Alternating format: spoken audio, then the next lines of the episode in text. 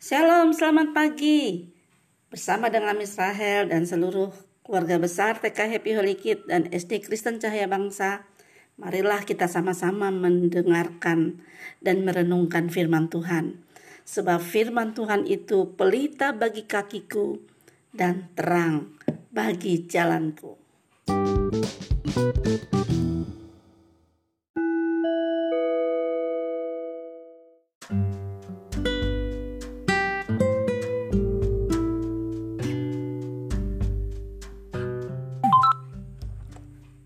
Hari ini kita bersama-sama merenungkan 3 Yohanes pasal 1. Surat Yohanes yang ketiga ini ditujukan kepada Gaius, orang yang menjadi dianggap sebagai anak rohani dari Yohanes. Dari sini kita bisa belajar bagaimana hati seorang pemimpin hati orang tua terhadap anak-anaknya. Karena itu kita akan merenungkan bersama 3 Yohanes pasal 1 ayat yang keempat yang berbunyi bagiku tidak ada sukacita yang lebih besar daripada mendengar bahwa anak-anakku hidup dalam kebenaran. Anak-anak semua dari kitab dari kitab surat Yohanes yang ketiga ini terlihat hati Yohanes yang dalam sekali terhadap uh, Gaius yaitu orang yang sudah dianggap seperti anak rohaninya. Dia berkata di ayat yang kedua dari ayat yang pertama dikatakan bahwa Gaius yang kukasih yang kukasihi dalam kebenaran. Aku berdoa semoga engkau baik-baik dan sehat-sehat saja dalam segala sesuatu sama seperti jiwamu baik-baik saja. Anak-anak bisa merasakan dia bilang dia dia menyampaikan kerinduannya, keinginannya, doanya, harapannya supaya semuanya baik-baik dan sehat-sehat saja dalam segala sesuatu.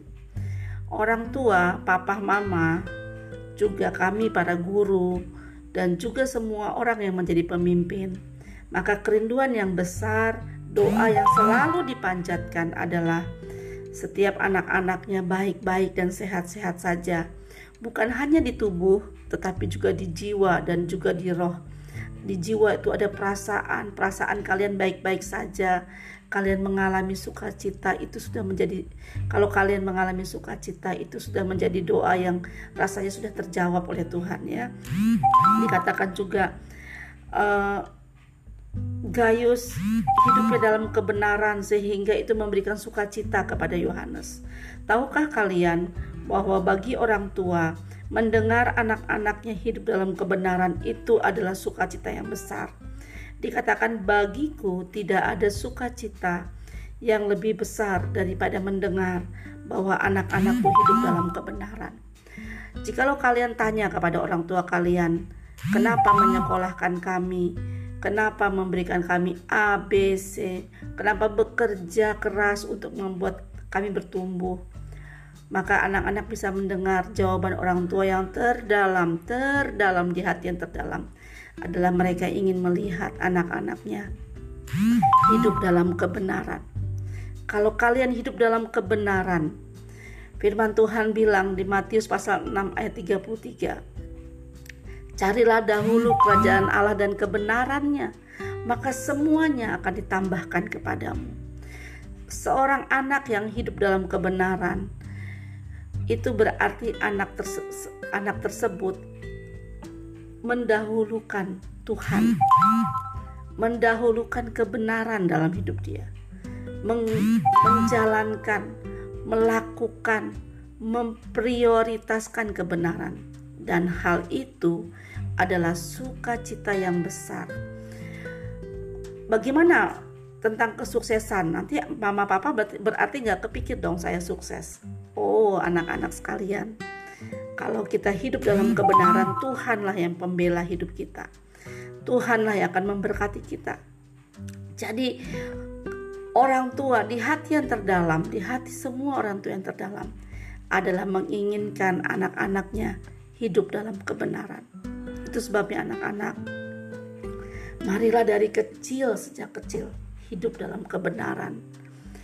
Pelajari kebenaran firman Tuhan. Lakukan. Mungkin gagal satu kali, gagal dua kali, gagal tiga kali, gagal sepuluh kali, tapi terus lakukan kebenaran. Terus hidupi kebenaran. Ketika kalian menghidupi kebenaran, maka kalian akan hidup di dalam kebenaran. Kalau sudah hidup dalam kebenaran, maka hidup kalian tidak akan tergoyahkan di dalam kondisi apa pun. Itu itulah penyebab kenapa orang tua bersuka cita. Karena orang tua tahu waktu orang tua tidak banyak. Orang tua tidak bisa mendampingi anak-anak seterusnya. Suatu hari orang tua kalian akan berpulang. Suatu hari kalian harus kalian harus berpisah dengan orang tua. Tetapi kalau orang tua melihat bahwa anaknya hidup di dalam kebenaran, maka orang tua akan merasa tenang karena mereka tahu kepada siapa mereka mempercayakan hidup anak-anaknya. Ya, demikian anak-anak ini yang menjadi renungan kalian.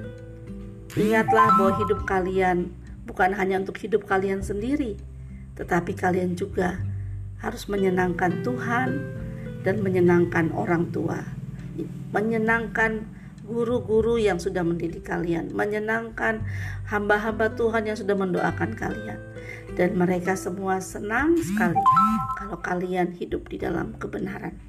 Bagiku tidak ada sukacita yang lebih besar daripada mendengar bahwa anak-anakku hidup dalam kebenaran. Tuhan Yesus memberkati. God bless you.